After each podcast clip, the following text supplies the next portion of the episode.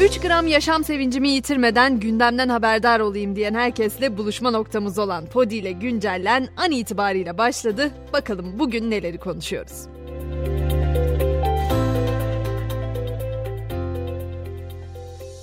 Günlerdir tartışılan öğrencilere tek sefere mahsus vergisiz telefon kampanyasının detayları açıklandı. Kampanyadan yüksekokul ve açık öğretimde okuyanlar dahil 7 milyon öğrenci yararlanacak ancak vergisiz modeller Türkiye'de üretilen telefonları kapsayacak ve bir üst sınırı olacak.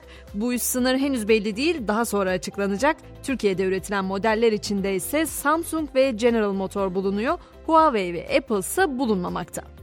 Peki bu ekonomi nereye gidiyor? Ağustos ayı açlık ve yoksulluk sınırı belli oldu. Türk İş'in araştırmasına göre açlık sınırı 12.198 liraya, yoksulluk sınırı da 39.733 liraya yükseldi.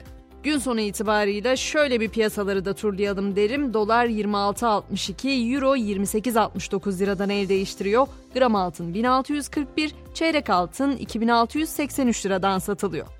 Bu arada bir de hatırlatmam olacak. Ek motorlu taşıtlar vergisi birinci taksit ödemesinde süre uzatıldı. Normalde 31 Ağustos'ta da olacak olan birinci taksit ödeme süresi 6 Eylül gün sonuna kadar yapılabilecek. Ama bu konuda diğer taraftan gözler Anayasa Mahkemesi'nin vereceği kararda CHP'nin ek MTV'nin iptali için açtığı dava yüksek mahkeme tarafından değerlendiriliyor.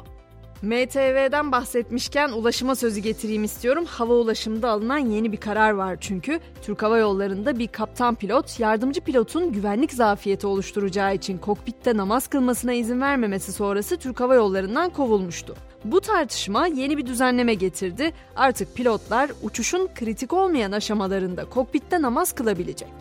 Biraz da teknoloji dünyasına girelim. İşlerimizi bir bir elimizden almaya başlayan yapay zeka şimdi de eczanelerde yer aldı. Türkiye'de üretilen Marbot adlı bir yapay zeka robotu Yalova'da eczane teknisyeni olarak işbaşı yaptı.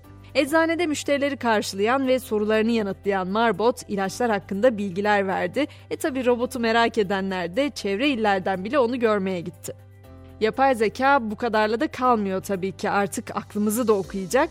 Araştırmacılar beyin dalgalarından elde edilen verileri kelimelere dönüştürerek konuşma rahatsızlığı çeken hastaların iletişim kurmasını sağlayacak bir teknoloji geliştiriyor.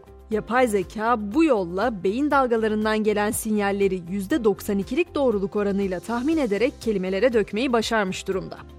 Bazen bir zaman makinemiz olsa diyoruz ileri ya da geriye gidebilsek ama aslında dünyanın farklı noktalarında başka zaman dilimlerinde yaşanıyor gibi. Mesela bir yanda yapay zeka bu şekilde aklımızı okumaya başlarken diğer yanda hala kadınlara yönelik yasaklara yenileri ekleniyor. Nereden bahsediyorum? Afganistan'dan. Taliban yönetimi şimdi de yurt dışında okumak isteyen kız çocuklarının ülkeden çıkışını yasakladı. Bugün Atlas isimli 11 aylık bir bebek ise şimdiden 23 ülke gezerek rekor kırmasıyla gündeme geldi. Çocuklarının 1 yaşına girmeden önce 25 ülke görmesine hedefleyen aile geçen yıl bebeklerini kucaklarına alır almaz doğum iznini tatil olarak kullanmaya karar verdi. Yeni Zelanda'daki evlerinden yola çıkan aile tüm Avrupa'yı dolaşmayı hedefledi. Her şey yolunda giderse seyahatlerini tamamladıklarında Atlas 1. yaş gününden önce dünyanın 25 ülkesini ziyaret etmiş olacak. Bizimse sıradaki durağımız İskoçya. Orada sizi Loch Ness'e götürüyorum. Ness Gölü diye bir yer var ve tıpkı bizim Van Gölü canavarımız gibi o gölde yaşadığına inanılan ve efsanelere konu olan bir Ness Gölü canavarı olduğuna inanılıyor. Onun böyle yeşil renkli oyuncakları, anahtarlıkları falan da mevcut hatta. İşte o canavar için son 50 yılın en büyük arama çalışması düzenlendi. Dünyanın dört bir yanından da yüzlerce gönüllü katıldı bu arama çalışmasına. Loch Ness Exploration isimli araştırma grubunun düzenlediği ve gelişmiş tarama cihazlarının kullanıldığı aramalarda gizemli sesler de duyuldu. Grup bu seslerle heyecanlansa da bu gizemli seslerin ardından kayıt cihazının fişe takılı olmadığı anlaşıldı. Son olarak da bugünden yine hatırlatmamı yapmak isterim. 2023'ün süper mavi ayı kendini göstermeye hazırlanıyor. Yılın 13. dolunayı yarın gece başlayacak ve perşembe sabahının erken saatlerine kadar sürecek. Mavi Ay Türkiye saatiyle 04.36'da zirveye ulaşacak. Gökyüzüne bakanlar bu saatte en parlak ve büyük bir şekilde Mavi Ay'ı görebilecekler. Duyanlar duymayanlara söylesin. Hemen spordan gecenin notunu da ekliyorum. Şampiyonlar Ligi'nde playoff turu rövanş mücadeleleri bugün 3 maçla başlıyor. Temsilcimiz Galatasaray saat 22'de Norveç'in Molde ekibini konuk edecek.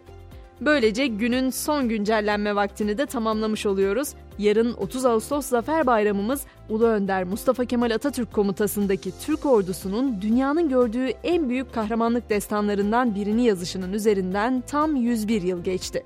Bu özel gün dolayısıyla toplu ulaşımda yarın Marmaray, Başkent Ray, İzban ve İstanbul Havalimanı metrosunun ücretsiz hizmet vereceğini hatırlatıyor. Güncellenin sonunda mottomuzu da Zafer, zafer benimdir diyebilenindir, başarıysa başaracağım diye başlayarak sonunda başardım diyebilenindir diyen her daim saygı, minnet ve özlemle andığımız atamızdan bırakıyorum bu akşam. Şimdilik hoşçakalın.